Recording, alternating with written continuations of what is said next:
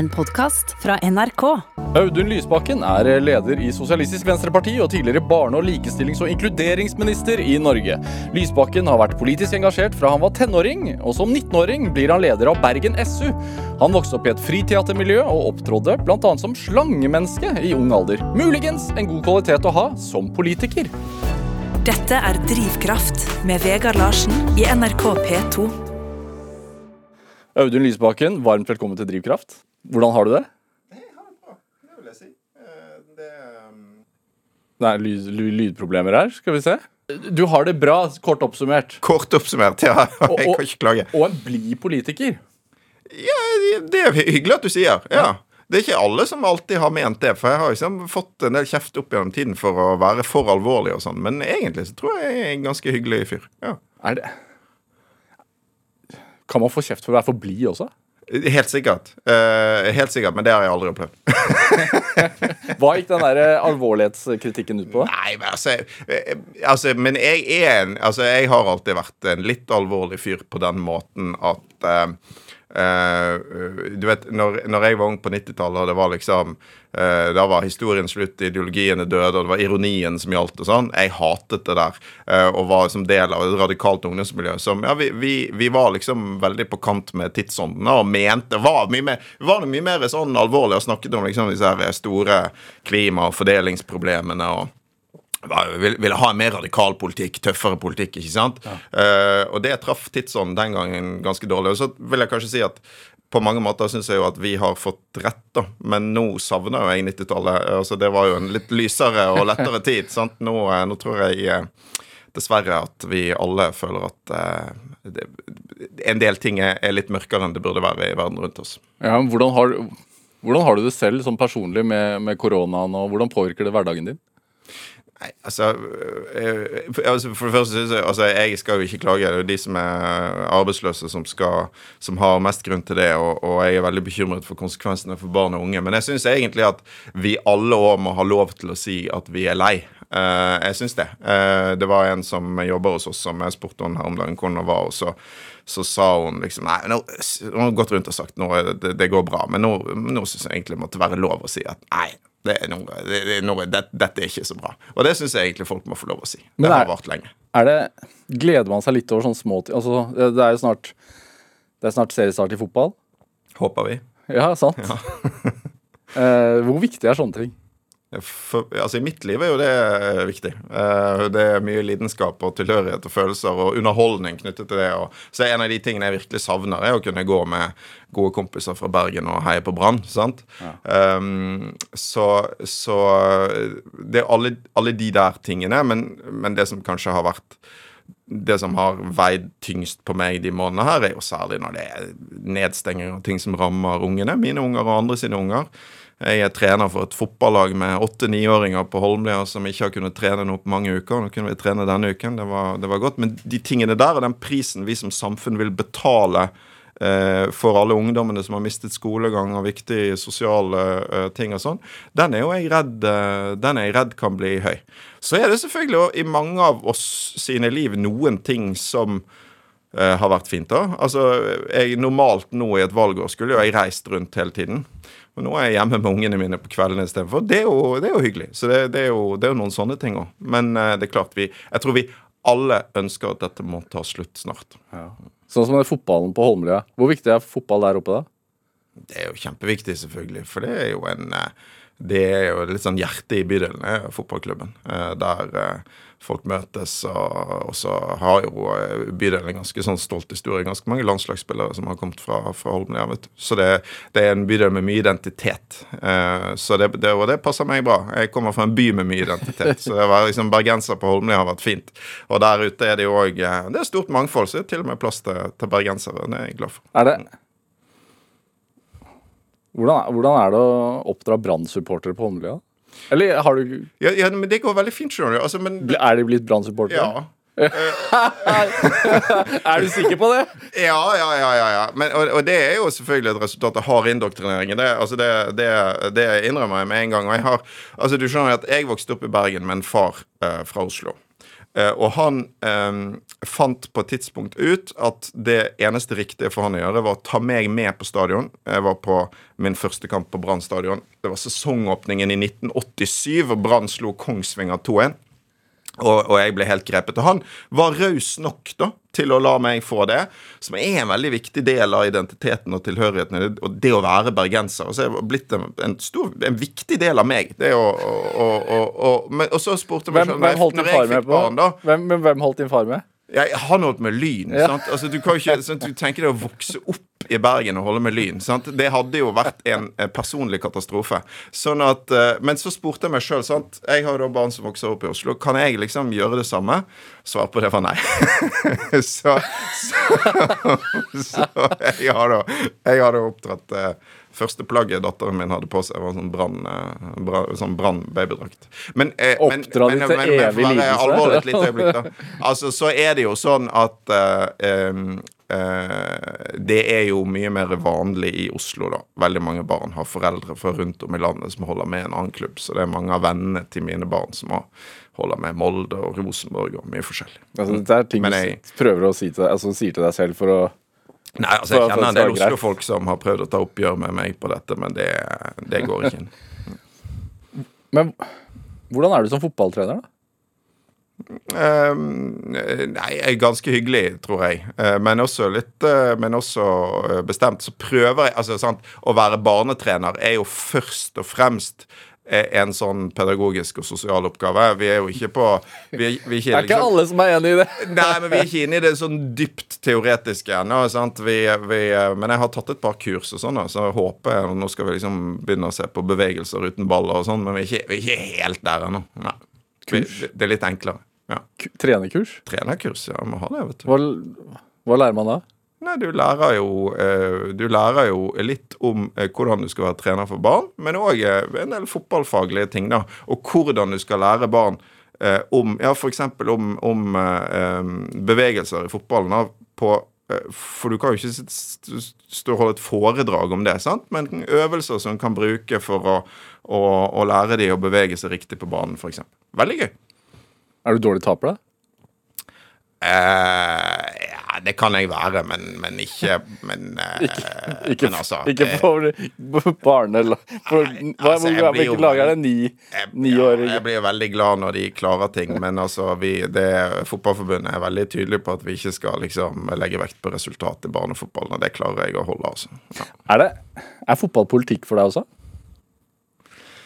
Det kommer litt an på hvordan du definerer det. fordi det er jo på, på, veldig mange måter ikke det i det hele tatt. Fordi når jeg eh, Altså Når jeg, jeg, drar på bortekamper, eh, når Brann spiller på Østlandet f.eks., så møter jeg eh, iblant Uh, ja, f.eks. Uh, en som heter Peter Christian Frølich, som sitter på Stortinget for Høyre fra Bergen. Sant? Da er jo vi på samme tribune, heier på samme lag. Så sånn sett er det jo absolutt ikke det.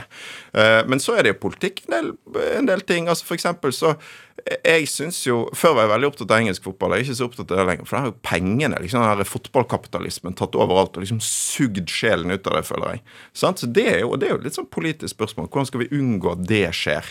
Hvordan skal vi unngå at bare at fotball bare blir en sånn TV-sport, og at hele sånn tribunekulturen dør, f.eks. Det, det er jo spennende. Det er på en måte politiske spørsmål, men det er jo ikke partipolitiske spørsmål. For der tror jeg nok jeg vil finne mange høyrefolk som er helt enig med meg. Men, men du kan si det, Verdispørsmål, rett og slett? Altså. Ja, og så er det jo Men det som jeg syns er fascinerende, som jeg tror gjør at jeg er så um, opptatt av det og liksom elsker å stå på den tribunen, er jo at det er jo eh, en anledning til å ta ut lidenskap, som jeg tror mange av oss liksom savner litt i hverdagen. Da. Der kan du hyle og banne og grine og klemme på folk. Ikke akkurat nå, da, men, men sant, hva, hva, som helst. Som du ikke kan gjøre på så mange andre arenaer. Og så er det et spørsmål om dyp tilhørighet. For meg er det en måte å markere hvor jeg er fra, min tilhørighet til Bergen. og og liksom, det, det, er lov med en sånn kraftpatriotisme som kanskje kan på noen virke litt latterlig andre steder, men som der er bare veldig ekte og veldig relevant og bare helt riktig. Ja. Men, kan hate litt på en ufarlig måte. Ja. Du er ikke redd da når du er en offentlig person og står og gauler? Nei. Jeg tror, ja, nei, men jeg tror at folk eh, har eh, respekt for at fotballtribunen er et sted der man gjør det. Eh, så, og det Nei, altså. Jeg er ikke noe Jeg vil ikke være på VIP-plass, liksom. Jeg vil være på tribunen og synge. Og, Mm. Men jeg har jo hatt det, så jeg har jo hendt at jeg har liksom kommet i politiske debatter og manglet stemme fordi jeg har skreket for mye på fotballkampen før. Er det Altså, øh, du er fra, bor på, bor på Holmlia, som du sier. Er det Tror du bosted er overførbart til eh, politisk ståsted? Det kan det jo være til en viss grad. I hvert fall så ser du jo det hvis du ser på eh, geografien i landet vårt, så vet du jo eh, på forhånd når det er valg, hvem som kommer til å ha flertall på bestemte steder. Ikke sant? Det er jo klart. Altså, eh, I Bergen så, så vet jeg veldig godt hvilke bydeler vi kommer til å gjøre det best i. I Oslo så er det så er kan si, flertallet på vestkanten blått, og flertallet på østkanten er rødt. Eh, og Senterpartiet står sterkest i distriktene. Dette vet vi jo. Men så betyr jo ikke det at ikke det finnes SV-velgere på i Holmenkollen og Høyre-folk på, på eh, Holmlia eller SV-velgere på, på Paradis i Bergen. Men, men, men, men ja, det er klart det har noe å si. fordi politikk er jo veldig uløselig knyttet til spørsmål om fordeling eh, av makt og penger og, og, og, og, verdier. Og, det uttrykker seg over hvor folk bor. Ja. SV har jo fått blitt omtalt som et parti som treffer, stor grad treffer en sånn middelklasse, men taler kanskje til arbeiderne, altså sånn arbeidernes politikk. Hva, hva tenker du om det? Nei, altså Jeg kjenner meg ikke helt igjen i det, egentlig. fordi at eh, For, for meg er jo eh, målet at SV skal være et folkeparti. Et parti for arbeidsfolk og et parti for uh, Kall det middelklasse, eller hva du vil. Men jeg, jeg tenker at uh, veldig mange av de som stemmer SV, sykepleiere, lærere, sosialarbeidere, de er jammen meg arbeidsfolk. Men i tillegg så har vi også det er mange servitører og bussjåfører, og også Ser du på fagbevegelsen i industrien, så vil du finne mange SV-tillitsvalgte. Eh, Alle sånne målinger som viser oppslutning i LO, f.eks., viser at SV stort parti blant LO-medlemmer. Eh, men, men mitt mål har jo vært, det har jeg snakket mye om i de årene jeg har vært leder, vi skal liksom gjøre partiet bredere. Uh, uh, og, og jeg er opptatt av at liksom politikken ikke må få liksom forfalle til en sånn her kultur- og identitetskrig. Altså Mitt mål er på en måte å, å, å forene flere mennesker som kanskje har litt ulike identiteter, men som har en felles interesse av en sterkere økonomisk politikk for, for mindre forskjeller. Eh, og, og, og da må du, da må du bl.a. greie å forene mange grupper med lang eh, utdanning med grupper med kortere utdanning, f.eks. Som en utfordring i, i dagens samfunn. men som et, det, For meg er det liksom hele vitsen med SV at vi, vi skal være et parti uh, som gjør det. Er det vanskelig? Eh, det kan være vanskelig, fordi eh, Og særlig i en tid som er preget av veldig mye sånn Polarisering og Ja, og, og mye polarisering rundt identitet. Sant? Så for eksempel så er jeg, jeg er redd for at klimakrisen skal bli en sånn polariserende sak, for eksempel. Eh, fordi det er så lett at det knyttes til livsstil. Eh, det er eh, mange mennesker som med god grunn frykter at klimapolitikken skal kunne ramme arbeidsplassene deres, livsgrunnlaget deres. Og derfor så er det så utrolig viktig, mener jeg, at, at noen er opptatt av både å få ned utslippene, men samtidig av å gjøre det på en rettferdig måte. Sånn at du må nå fram til vi, må ha et grønt skifte, men vi kan ikke ha et grønt skifte hvor de på toppen av det norske samfunnet stikker av med gevinstene, mens renholderen, industriarbeideren, taxisjåføren føler at det er de som betaler prisen. Eh, så, så det er liksom Og det er derfor jeg Det, det, det er kanskje den viktigste grunnen til at jeg er SV-er, at, at SV er et rød-grønt parti i ordets egentlige forstand. da. Altså Vi har flere røde partier og flere grønne partier i Norge, men, men, men min idé eh, er jo at vi må ha en politikk som er genuint rød-grønn, som tenker miljø og rettferdighet sammen. Hva lærer du Altså, får du, får du impulser politisk i nærmiljøet der du bor? Prater du med folk? De andre fotballpappaene eller fotballmammaene? Ja. ja, men det er klart jeg gjør, og det tror jeg gjelder alle. Altså, jeg tror, Politisk holdning vil alltid være formet av dine egne erfaringer og hvor du kommer fra. Ja. Selvfølgelig vil det være det. Hvorfor det? Jo, fordi eh, det er eh, altså, Sånn er nå vi mennesker, liksom. Og jeg, jeg mener det er et sterkt Altså, følelser sant? Det er faktisk en viktig del av, eh, av, av politikken. Og, og jeg er litt sånn Ofte blir det sånn at folk på høyresiden de tenker at venstreorienterte mennesker de er litt sånn, de er naive, de er følelsesstyrte. Det er fordommen. sånn. Folk på venstresiden tenker kanskje til og med at altså, høyresidefolk eh, litt sånn egoistiske, i verst fall nesten onde. ikke sant? Det er, det er jo stereotypien. Men jeg tror jeg, altså, jeg er veldig sikker på at sånn, de fleste vil godt. Men hvor du kommer fra, hva du har opplevd, hva erfaringer du har med deg, det former hva du opplever som rettferdig, hva du opplever som godt. Eh, og da har det selvfølgelig alt å si hva slags mennesker du omgås, hva slags mennesker du har uh, vokst opp sammen med, osv.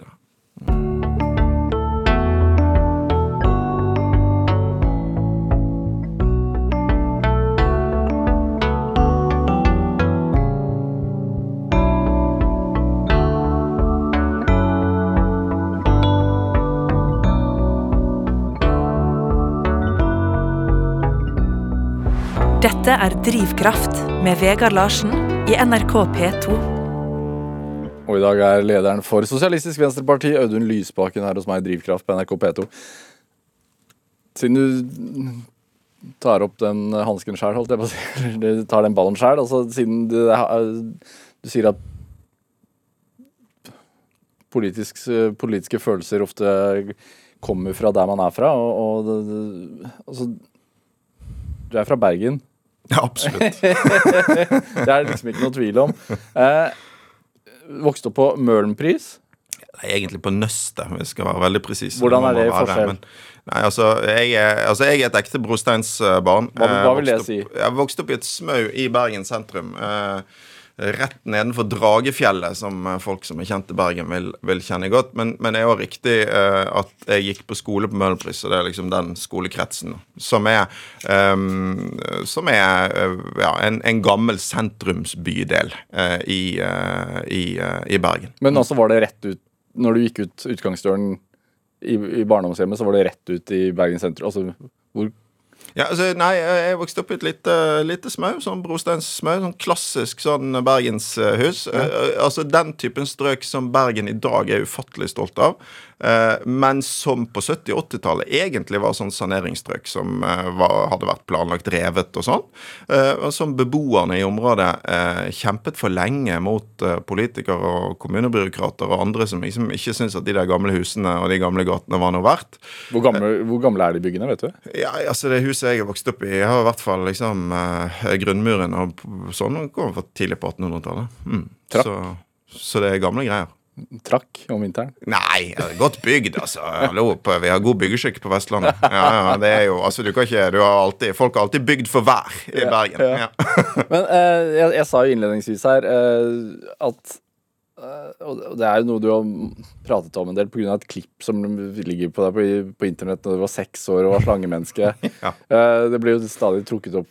Hvordan er det at at det fremdeles fins som video. Nei, det er helt greit, men det gjør jo at hver gang jeg liksom har en sånn prat uh, uh, om dette, så blir det trukket fram. Men det kan ja. kanskje det, det, Du vokste opp i et sånt friteatermiljø? Ja, altså, men sant, det, det, der høres litt mer eksotisk ut enn det var, kanskje. Men, men ja, mine foreldre var, var, skuespillere, og de hadde da sin egen lille bedrift, et lite uh, teater, sammen med en del andre. og de drev med barneteater, og var jo en del av liksom en sånn ja, bølge av um, sånn eh, radikal fritenkende kultur på, på 70-tallet som var opptatt av liksom, ja, annet å lage noe bra for barn. da. Eh, fordi eh, det har alltid vært sånn i kulturlivet, dessverre, at det har liksom mest status å lage ting for voksne. De var opptatt av å lage noe som skulle være bra for barn. Og en av de tingene de gjorde, det var at de lagde en sirkusforestilling hvor barn kunne få opptre sjøl, eh, som var en kjempesuksess. Fordi at det, det er jo sant? Ikke bare komme liksom og se på teateret, men at ungene skulle få ta del sjøl. Så vi fikk forskjellige forskjellige nummer. Da, så brukte man hele dagen på å øve, og så opptrådte ungene for foreldrene. Så den forestillingen dro da mine foreldre rundt på Vestlandet med, masse turneer. Uh, og jeg var jo med på det. Uh, så jeg, uh, jeg, var jo da ofte med i forestillingene. Var det masse lekenhet, da? Ja, Generelt i oppveksten? Altså sånn ja, det, det, det, tror jeg altså, det var i hvert fall en, altså, Vi var en veldig sammenknyttet familie. Da jeg var liten, så var det bare meg og, og, og, og min mor og far. Eh, og blant annet fordi de jobbet jo Altså vi hadde sånn turnéperioder, men de hadde også en jobb med ganske stor fleksibilitet, så jeg fikk jo alltid være med, så jeg var veldig tett på de. Eh, og eh, det tror jeg òg var liksom Jeg lærte meg å diskutere med de voksne tidlig, og mange sånne ting. Da, så jeg ble jo sikkert en litt sånn veslevoksen fyr av det. Um, Ja, samtidig så får du jo se foreldrene dine gå inn i roller, Ja. leke på scenen. ja. Hvordan påvirker det, tror du? Altså, Hvordan Nei, jeg vet, opplevde altså, du jeg har truffet gamle venner av min far, f.eks. Altså, eh, min far lever dessverre ikke lenger, men, men jeg har truffet gamle venner av han som sier at liksom, de har sett meg i debatt som minner, minner det om han på scenen. Så det kan Oi. jo hende. Ja, Ja. altså, jeg vet ikke. Hvordan da? Nei, jeg vet, jeg vet ikke. Altså, men, men, eh, men igjen, altså, du blir påvirket av allting du er med på. Kanskje, ja. Det, de sørget i hvert fall for at jeg ikke har sceneskrekk nå. Ja. Selv om, eh, selv om jeg har Altså, jeg kan eh, Jeg kan bli fortsatt veldig nervøs jeg, for store ting jeg skal gjøre, selv om jeg har vært i mange debatter og sånn. Men det er òg noe av det foreldrene mine lærte meg, at du skal, du skal være litt nervøs, Fordi hvis ikke, så er ikke du skjerpet, og ikke du på. Så det, så det skal man huske på. Når ble du en seriøs mann, da? Nei, altså, jeg tror Jeg, jeg, jeg hadde eh, Jeg syns jeg hadde en veldig fin barndom, men det var òg noen tøffe ting. Eh, eh, og særlig at min far da døde når jeg var 16. Um, og det var jo Det forandret jo hele livet mitt og, og familien sitt.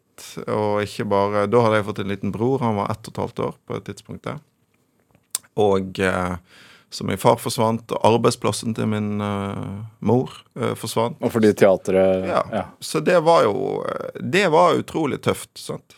Så vet ikke jeg Altså, du vet Ja, aldri hvordan ting hadde blitt hvis ikke det hadde skjedd. Uh, Men jeg tror nok at jeg liksom i tiden etterpå hadde, liksom, jeg hadde behov for å liksom finne noe mening og, og noe meningsfullt å gjøre. og ja, Om det var en sånn sammenheng, det vet jeg ikke, men det var i hvert fall ikke så lenge etter det at jeg liksom begynte å engasjere meg politisk. Hvem var du før det, da?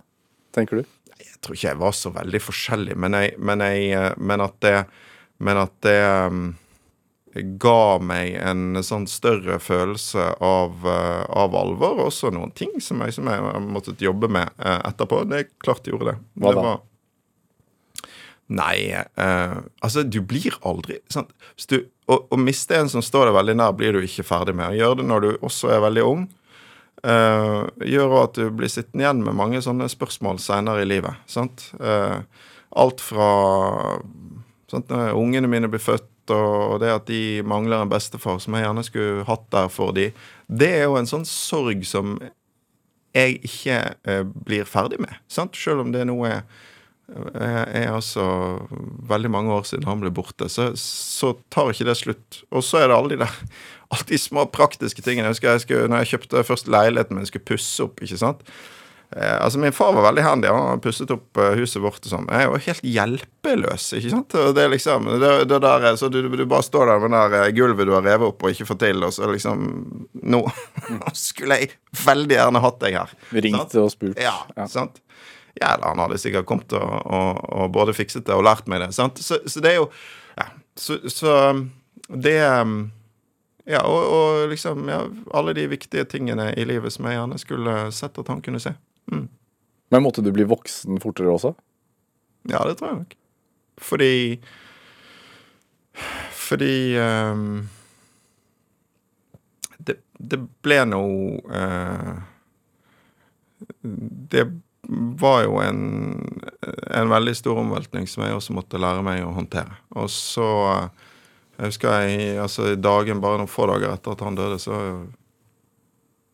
Han døde før helgen. Så på mandagen så gikk jeg på skolen. Det har jeg tenkt eh, etterpå var veldig rart at jeg gjorde. Men jeg tror det var fordi at jeg hadde veldig behov for at noen ting måtte være normalt, og livet måtte gå videre. Ja. så, så det gjorde jeg. Og det um, Men ja. Mm. Er det Lærte du noe om Norge? Altså som sånn sikkerhetsnett og hvordan man tar vare på hverandre og sånn, eller? Eh, ja, det tror jeg òg. Eh, eh, altså, for det første så er det jeg tror det den derre følelsen av hvor sårbart alt er, den ligger jo sterkt til meg, fordi jeg har opplevd det sjøl. Men òg da at betydningen av òg å leve i et samfunn hvor det fins noen sikkerhetsnett som kan fange deg opp når du faller. Eh, Så skal jeg sies at det på den tiden var jo fortsatt for store hull i Det var jo ikke altså sant, eh, Min lillebror trengte barnehageplass. Det var ikke Måtte min mor eh, tok lang tid å greie å skaffe en barnehageplass uh, i 1994. sant? Uh, men det har vi fått gjort noe med seinere. Hvordan løser du det, da?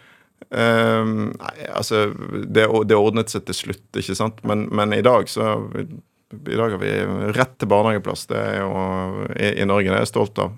Men, men ja, det, det, det er jeg tror at det er først Og det har kanskje også liksom pandemien det som har skjedd det siste år, tror jeg har endret ganske mye for mange i Norge. Den her, liksom, vi er ikke usårlige i dette landet heller. Eh, og den velferdsstaten vi har, og styrken i den, den sikkerheten og tryggheten det tross alt gir oss, um, det um, det tror jeg kanskje mange setter enda større pris på nå.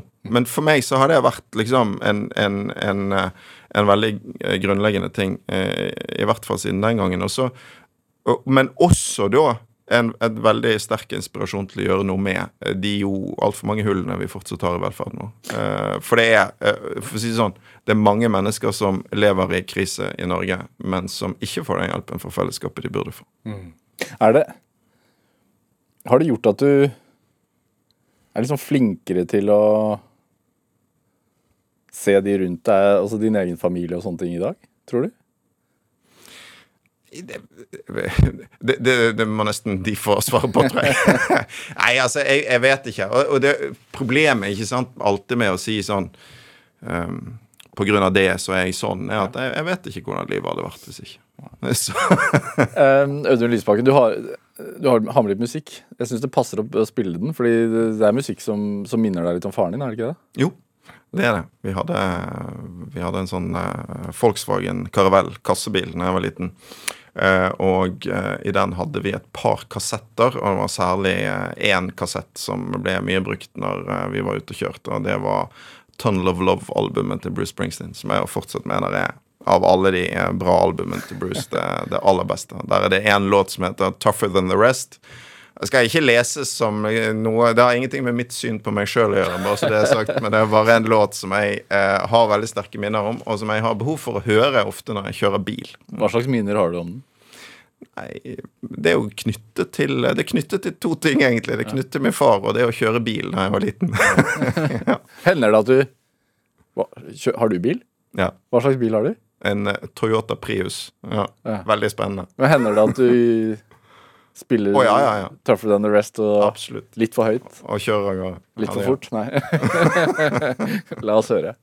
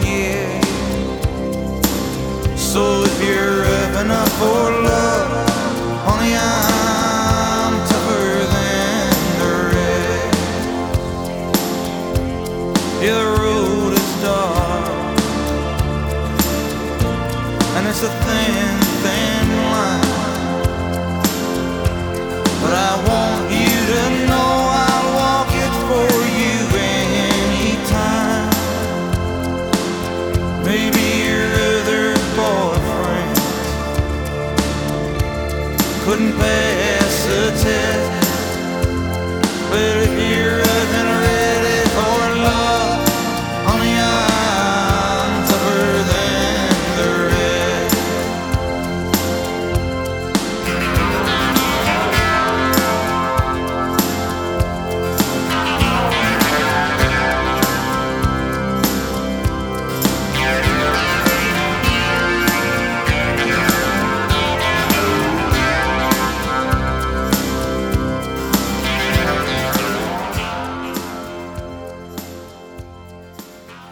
Ja, Du fikk en smakebit fra Bruce Springsteens 'Tougher Than The Rest' her i Drivkraft på NRK P2, valgt av dagens gjest i Drivkraft, nemlig leder for Sosialistisk Venstreparti, Audun Lysbakken. Eh, Når jeg ser på CV-en din, eh, Lysbakken, så er altså, Du har vært politisk engasjert nesten hele livet. Altså sånn fra, fra man begynner å vite hva politikk er. Ja. Det er jo lenge, egentlig. Altså, jeg tror eh, Jeg eh, meldte meg liksom til tjeneste på kontoret til Bergen Ungdom mot EU en dag på høsten 1994. Det var liksom i innspurten før folkeavstemningen. um, Hvor gammel var du da? 16? Ja, jeg var akkurat fylt 17, tenker Ja. jeg. Ja, Omtrent jo. Um, og da eh, Det var veldig spennende, da. Fordi det var, jeg husker på skolen jeg gikk på på videregående, så var det sånn eh, Det var mye var mye sånne eh, unge Høyre-gutter som var engasjert på ja-siden, og så var, var en sånn gjeng raddiser som var engasjert på nei-siden. Og skolen hadde liksom, jeg tror jeg, lagt litt opp til det. Det var sånn veggaviser og plakater fra den ene sin på hver sin side i foajeen, liksom. Og det var ordentlig trøkk. Eh, så jeg ble veldig sånn her eh, ble, Det tiltalte meg veldig, da. Så jeg Jeg ser for meg sånn amerikansk college-film. jeg, da. Sånn, uh... Ja, det var litt sånn. Ja. Så Ja da, så det um, Jeg, jeg husker noe av det første vi, vi gjorde da i uh, Jeg var med på en aksjon blant annet hvor vi Det kan ikke ha sett så overbevisende ut, men vi kledde oss da ut som eh, si, eh, rike, unge folk. Hadde på oss liksom dress og sleiket håret og delte ut løpesedler hvor det sto um, uh, 'Skipsredere for EU', med masse sånn argumentasjon på vegne av skipsrederstanden for hvorfor Norge burde være med i EU. Det var jo um, Det var jo ikke alvorlig ment, selvfølgelig, men uh, det, var- det var jo Men da, da husker jeg at det kom Det må ha virket litt likevel, for det kom da en bort til meg og sa sånn Du er altfor ung til å forstå hva det vil si eh, å bli med i EU. Så hun tok ikke liksom Det var litt mislykket, da, for siden vi egentlig hadde prøvd å argumentere for det motsatte. Vi skal ikke gå inn i en EU-debatt nå, altså, men er- har synet ditt forandret seg, eller er du fremdeles sterkt imot EU? Jeg har det samme synet på det. Jeg mener det var riktig at Norge ikke ble med. Og det, men, og det er jo men jeg får det spørsmålet ofte, fordi at vi SV er jo et parti som er veldig for internasjonalt samarbeid. Veldig sånn eh, I 2021 så må man jo ha et internasjonalt samarbeid. ja, ja, men, men jeg er veldig for deg. Men, men mitt problem med EU er jo at det fortsatt er et system som eh, fremmer den markedsliberalismen som jeg er imot. Bare akkurat nå så blir vi pådyttet privatisering av jernbanen gjennom EØS. Og så tror jeg at det er viktig å holde demokratiet nært folk. Det er langt til Brussel. Jeg, jeg tror faktisk at for, Hvis du ser på den der skumle polariseringen, de, som skjer, de tingene som skjer rundt oss i verden nå, så er det å ha et folkestyre som, er, som, som, som vanlige folk kan påvirke, som ikke er altfor langt borte, det er viktig.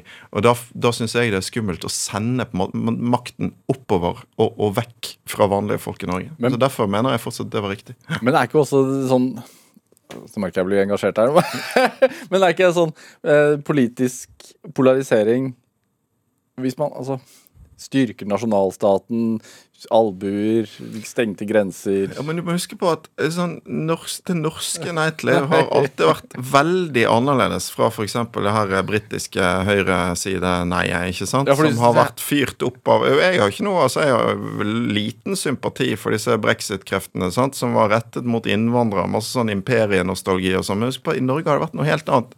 Det har vært sentrum-venstresiden som har vært imot, og det har handlet om et lite land sitt behov for å ha et folkestyre. Uh, og, og ikke la uh, større land få bestemme altfor mye over oss. Og det uh, og, og ikke minst ikke flytte flytte makten til et sted hvor vanlige folk i Norge ikke vil ha noen sjanse til å påvirke det. Og Det er det som er problemet. er jo Det blir så stort. Makten blir så langt unna. Eh, Og jeg er jo redd for, jeg syns at vi ser det veldig ofte, i EU, at da er det de mektigste pengekreftene som vinner fram. Og, og, og da får ikke du den samfunnsutviklingen som, som, som jeg ønsker for Norge og for, for Europa. Jeg har bestemt meg nå disse programmene med dere partilederne å ikke gå inn i, i, i politiske debatter, for da vet jeg kommer til å tape uansett. Sånn, dere, dere har pugget uh, dette her. Men, men dere har jobbet med det hele livet, ja. Um, men hvorfor var det en god Altså hvorfor var EU-engasjementet en god vei inn i politisk engasjement generelt for deg? Altså, det ballet jo på seg. Du ble jo etter hvert leder av Bergen SU mm. ikke så mange år etterpå.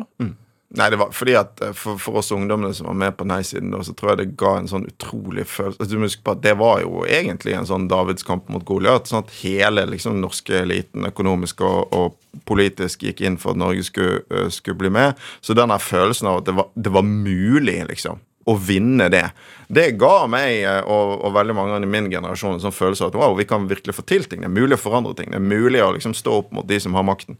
Så, så derfor var det det. Og så fant jeg veien via Natur og Ungdom og miljøsaken inn i SU. For, fordi SV var, ble veldig sånn naturlig mitt parti fordi eh, Altså, jeg var i et sånt radikalt ungdomsmiljø der mange, mange ble RV-ere og sånn, men, men sånn Arbeiderpartiet var umulig for meg fordi de, de sto på feil side i veldig mange viktige miljøsaker. Det var, det var for slapt. Sånn at jeg vil noe mer enn det der som for meg ofte blir litt altfor systemlojalt, for litt, altfor tålmodig. Og på den andre siden så hadde du RV den gangen som, som kom fra en tradisjon som eh, ja, som eh, ikke Som jeg ikke kunne identifisere meg med, og som det var mange problemer med, syns jeg. Så, så SV ble et naturlig valg, og også pga. det vi snakket om i sted, fordi SV jo har vært et parti med liksom fot i arbeiderbevegelsen og sosial rettferdighet og én fot i miljøbevegelsen. Og for meg er jo det de, de to store spørsmålene i vår tid, nå, som jeg tror kommer til å prege alt vi skal gjennom de neste årene. Det er hva skjer med ulikheten? Hva skjer med klima- og miljøkrisen? Du nevnte tidligere her at eh, du på den tiden var litt sånn motstander av hele den ironigreia som foregikk da på 90-tallet. Eh, var det fordi at du tenkte at ting står på spill her, vi må engasjere oss? Eller? Ja, ja, men det var jo det. fordi at det var jo, sant, altså huske på at det var jo liksom ehm, Altså nå, Jeg, jeg eh, hadde faktisk eh, hadde Harald Eia på, som gjest på en sånn podkast som jeg og Hans Olav Lahlum driver. og Jeg har veldig sans for, for han. og Han var- han er han var morsom, jo men han var jo liksom sant, altså Lille Lørdag på 90-tallet er Noe av det morsomste de visste, var jo å drive gjøn med politisk engasjert ungdom. Det var jo litt sånn komisk, ikke sant? For det var jo liksom en tid hvor jeg tror veldig mange følte at ingenting sto på spill. Eh, og når du ser på det, tilbake på det i dag, så eh, kan jo det egentlig virke litt deilig. men, eh, men, men eh, for de av oss som følte at det faktisk sto masse på spill, så var det jo irriterende, provoserende. Så du ble provosert da du så Lille? Ja, ja, altså jo en del av det der, ja. Ja, fordi at det liksom eh, men, men jeg mener jo, liksom, ser du tilbake på det i dag, så hadde vi jo ganske mye rett, da. Men jeg skulle kanskje Ja. jeg skulle jo egentlig ønske at det ikke var sånn. Men det Men det der engasjementet altså det, fikk, Jeg husker du fikk kleskoderefs da du begynte på Stortinget. Ja. ja, men det er ikke jeg så stolt av, faktisk. Nei, hvorfor det? Fordi at Nei, det var uh, Når jeg var uh, uh, ny på Stortinget kom, vi, vi fikk jo inn plutselig i 2001 SV fikk inn en veldig stor gruppe på Stortinget. Vi var veldig mange unge kandidater. Flere av oss tror jeg ikke hadde egentlig tenkt at vi skulle komme inn på Stortinget i det hele tatt. Vi gjorde et forbausende godt valg. Frank Rossavik beskrev det en gang som eh, at du var kledd i lusekofte og fletter.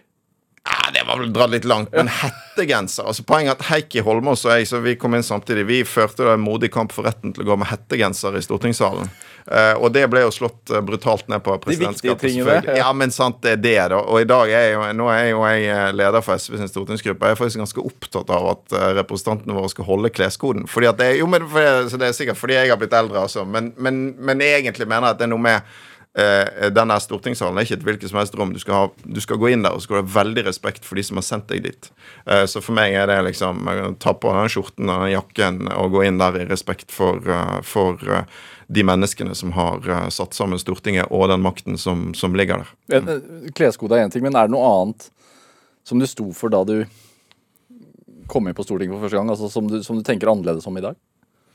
Ja, det, altså det er det selvfølgelig. Hvis du, hvis du ikke liksom endrer mening om noen ting på 20 år, da eh, Det er Men, men, men hva. Lysbakken? Eh, nei, altså for eksempel da, så eh, har jeg siden min ungdom uh, skiftet syn på uh, forsvarspolitikk. Og så Jeg var militærnekter. Jeg var veldig liksom, mot militære forsvaret. Nå er jo jeg eh, forsvarspolitisk talsperson for SV, eh, og mener veldig sterkt eh, at vi trenger et sterkt nasjonalt forsvar. Men, men motivasjonen min for det er for så vidt eh, mye det samme som det var før. Nemlig at den, det, for meg er det måten vi kan gjøre oss mer uavhengig av stormaktene på. Ikke være så avhengig av USA, f.eks. Så det, så selvfølgelig har jeg skiftet syn på ting.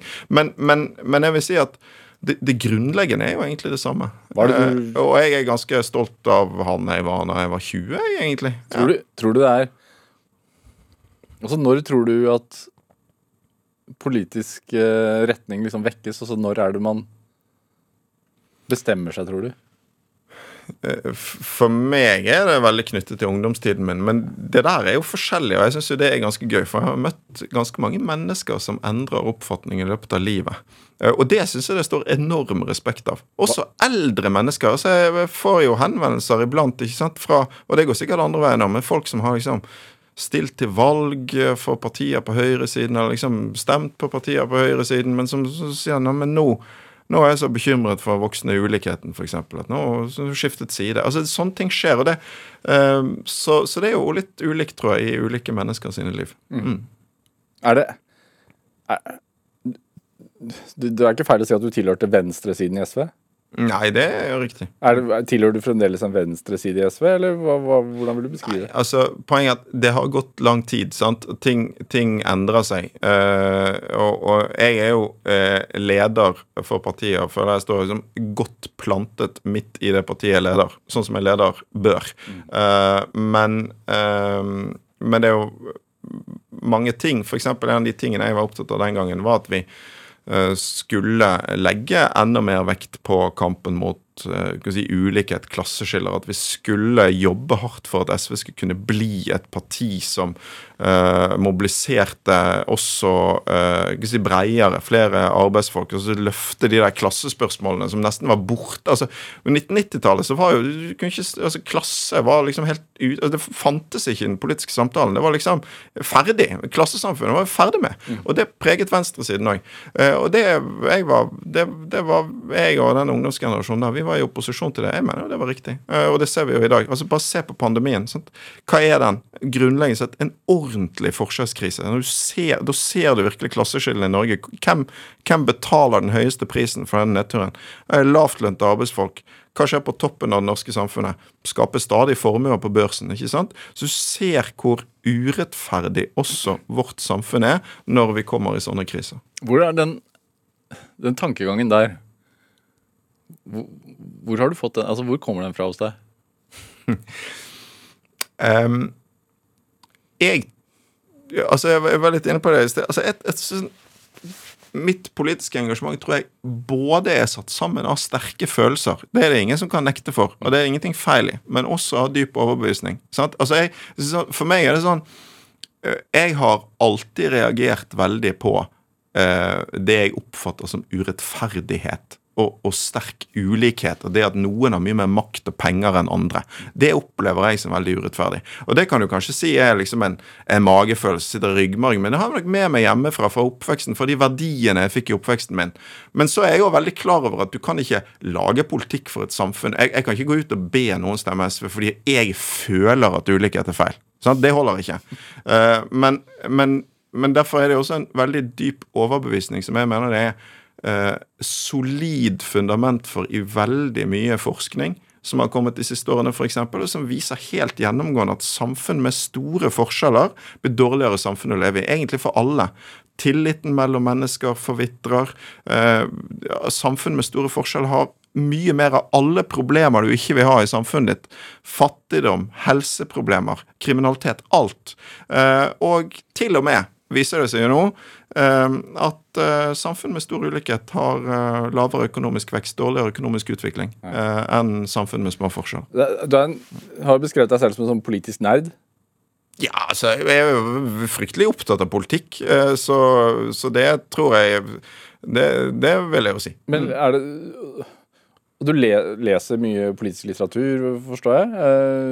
Er det Hvilke sånn foregangsfigurer er det innenfor sosialisme og, og, sosialistisk tenkning i dag tenk, som du blir påvirket av? Altså, Jeg syns jo øh, Venstre sine har hatt en del øh, jeg kan si, veldig uheldige erfaringer med å liksom gjøre seg veldig avhengig av tenkningen til enkeltmennesker. Så, så det prøver jeg liksom å, å men, det er farlig å si. Ja. men, men, jo, men, men det er jo interessant, sant? fordi at øh, når, øh, når jeg var ung, så skjedde det lite av liksom idéutvikling på, på venstresiden globalt. Det blir st- stadig trukket fram at du leste jo Mark som ung. Ja, men altså, og så var det vi var masse sånn greier fra 70-tallet og sånn. For det var ikke Altså, det skjedde veldig lite. Eh, venstresiden eh, var jo i en slags sånn her dyp identitetskrise, egentlig, på, på 90-tallet på mange vis. Eh, som du kan se godt av det som foregikk den gangen. sant? Altså, Hvem var det som privatiserte Statoil? Det var ikke Høyre, det var Arbeiderpartiet. sant? Det er jo en slags eh, god illustrasjon på hvor dyp den eh, krisen var. Men, men i dag så er det jo helt annerledes. Altså I dag kommer det en flom av liksom ideer, av bøker. Ting. Det skjer utrolig mye spennende på Det er i ferd med å skapes en ny venstreside. Altså, Ting som har gjort inntrykk på meg, f.eks., er Altså Det er en bok som heter The Spirit Level, ulikhetens pris, tror jeg den heter på norsk. Som rett og slett er britiske forskere som har gått gjennom noe av det jeg nettopp var inne på. Konsekvensene av økende ulikhet. Eh, han er franske økonomen Thomas Piketty har vært inne på mye av det samme. ikke sant? Hvordan, eh, hvordan eh, den økende ulikheten også ødelegger økonomien i samfunnet. Jeg tror det vi har vært veldig opptatt av alle sammen som har skjedd i USA de siste årene.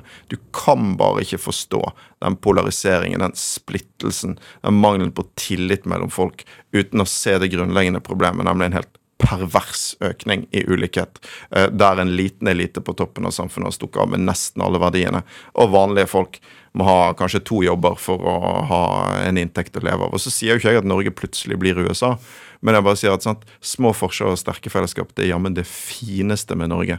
Og hvis ikke vi forsvarer det, så er vi ille ute. Men når du eh, leser den type litteratur, og også ser, ser på USA som eksempel, tenker du da liksom Norge frem i tid, altså 10-20 år, og, og ser på det med skrekk og gru? altså sånn, eh, Hva, hva er det liksom verste, verst tenkelige scenario, sånn du ser det? Ja, men jeg er veldig, jeg er veldig bekymret for uh, den økende ulikheten i makt og rikdom i Norge. Den har allerede økt mer enn mange tror. Å ser på fordelingen av formue, f.eks., for så er vi liksom på vei mot nivåer av ulikhet som vi ikke er vant til i Norge, og som ligner mye mer på land sørover i Europa. Og Hvis det får fortsette, så kommer Norge til å bli et ganske annet samfunn. Og det, og det handler jo ikke bare om liksom hvem som har pengene, men det handler om hvem som har makten. Hvis du ser på toppen av det norske samfunnet i dag, så er det flere og flere som ikke har skapt formuene sine, men har arvet de. Sant? Du får sånne dynastier hvor, eh, hvor, eh, hvor makt går i, går i arv. Og det eh, sant, er, er det men sånn Norge på sitt beste har vært et samfunn som veldig sånn bygd for de mange, og ikke for de få på toppen. Uh, og og det, uh, det, uh, det risikerer vi å miste. Hvis du får for mye av den politikken som vi ser nå, som, som river ut noen av grunnplankene i det som har gjort Norge til et samfunn med små forskjeller. Et, et arbeidsliv for eksempel, som hindrer sosial dumping og lave lønninger. Et, eh, et boligmarked som jo har tatt uh, helt fyr. Privatiseringspolitikken. Sant? Jeg synes jo det er utrolig provoserende når skattepenger som skulle gå til barnehager og barnevern, går til profitt til rike eiere eller utenlandske risikokapitalfond. Sant? Alle disse tingene her over tid så forandrer det et samfunn ganske grunnleggende hvis det får fortsette. Hvorfor tror du at det er såpass høy prosentandel som misliker eller velger noe annet enn sosialisme, da? Altså, eh, Norge er et, ja, nei, altså, Norge er jo et land hvor venstresiden har stått sterkt uh, veldig lenge, og gjør det fortsatt. Uh, så deler vi oss på litt forskjellige partier og sånn, men, men, jeg, men jeg, uh, det er mye sosialisme i det norske samfunnet.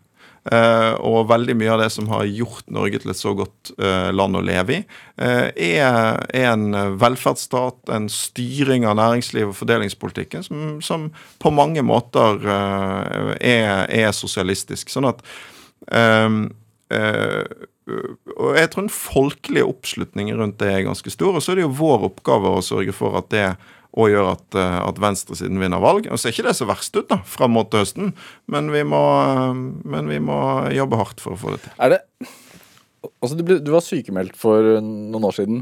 Eh, og var borte, hvor lenge var du borte? Nei, det er to- to-tre måneder, kanskje? Ja. F- Jeg eh, så jo deg bare fra utsiden. og Jeg føler at jeg liksom så litt annen Audun Lysbakken når du kom tilbake fra sykemeldingen. Ja. Altså, jeg er ikke så sikker på det, faktisk, fordi at um, um, jeg, Det var uh, helt riktig. altså Det var interessant, egentlig, uh, å være borte fra politikken en stund. Eh, men jeg hadde rett og slett hatt en, en operasjon eh, som gjorde at jeg måtte være eh, sykemeldt. Hjerneoperasjon. Rett og slett. Det å høres litt mer dramatisk ut enn det var, men jeg fikk et epilepsianfall. Eh, og, men så var jeg så heldig da at eh, det var eh, noe som kunne Som lå rett og slett og, Sånn som epilepsi noe, noe ligger og forstyrrer, ikke sant? Så det gikk an å, å, å eh, operere det bort. Eh, så det er jeg jo veldig glad for, for da ble jeg jo eh, Da slapp jeg å leve med det. Mm. men du vet det at jeg tror, jeg tror det er helt riktig, nemlig, at når jeg kom tilbake fra det, eh, så eh, hadde jeg ganske mange eh, kilo med bekymringer av skuldrene. Men jeg tror det primært var fordi det som skjedde rett før jeg ble sykemeldt, var jo at eh, SV gjorde et godt valg. Eh, og, og du må huske på at Før det så hadde vi hatt ganske mange tøffe år med eh, det var årevis med elendige meningsmålinger. Sånn som Mine første år som partileder var ganske tøffe, de. Eh, og det innrømmer jeg igjen, det var ganske deilig. Altså det var utrolig deilig å bli ferdig med det, begynne å vokse. komme liksom, Da vi så at liksom alt det arbeidet som som vi hadde gjort, og som jeg følte et veldig tungt ansvar for, at, at det faktisk nyttet. sant? Men husk på at vi var et parti som ble dødsdømt og idiotforklart i ganske mange år. Hvordan var det for deg?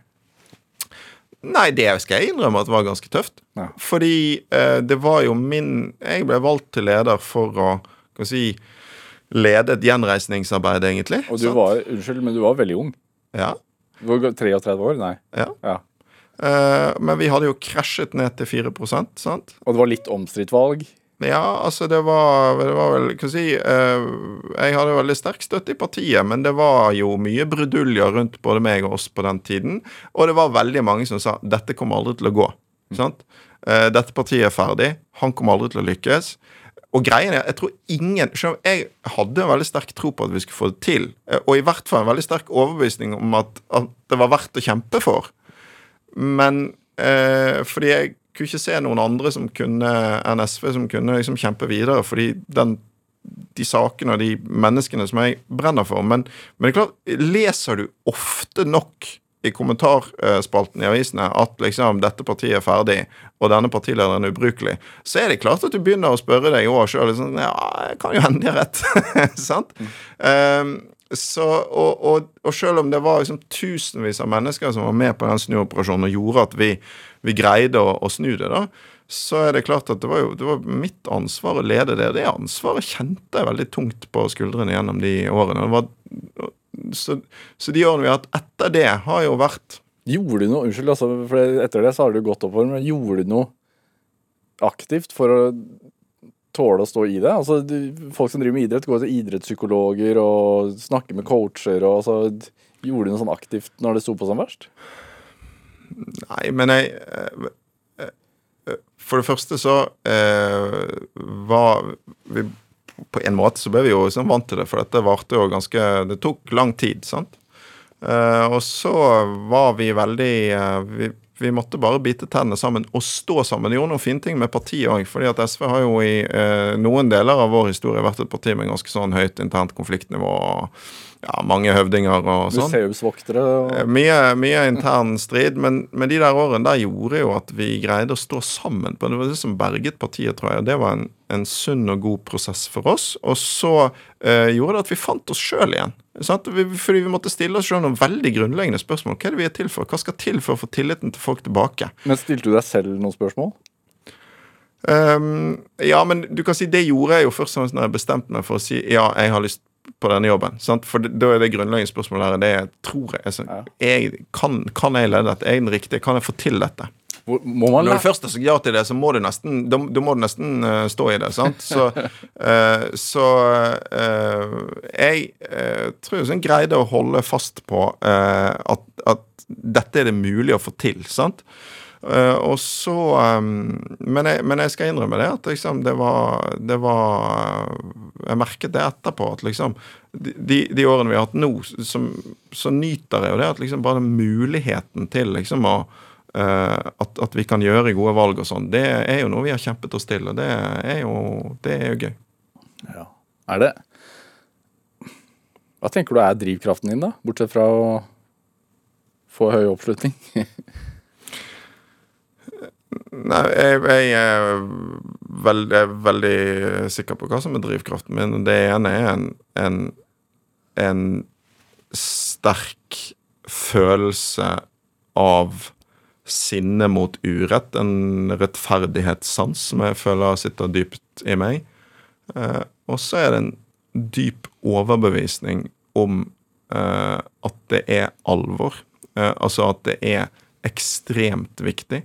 Eh, både for Norge og for verden rundt oss. Eh, at vi får en annen politisk kurs, særlig når det gjelder det med ulikhet og klima. Det er det er det. Eh, en, eh, noe som liksom sitter dypt i meg knyttet til liksom, Kall gjerne hva verdier du er opptatt av, men en eh, rettferdighetssansen. Og så er det Jeg er veldig Jeg er jo veldig, veldig overbevist om at det vi kjemper for, er nødvendig.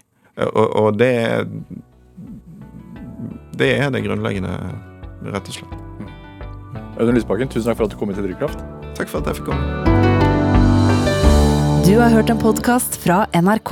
Hør flere podkaster og din NRK-kanal i appen NRK Radio.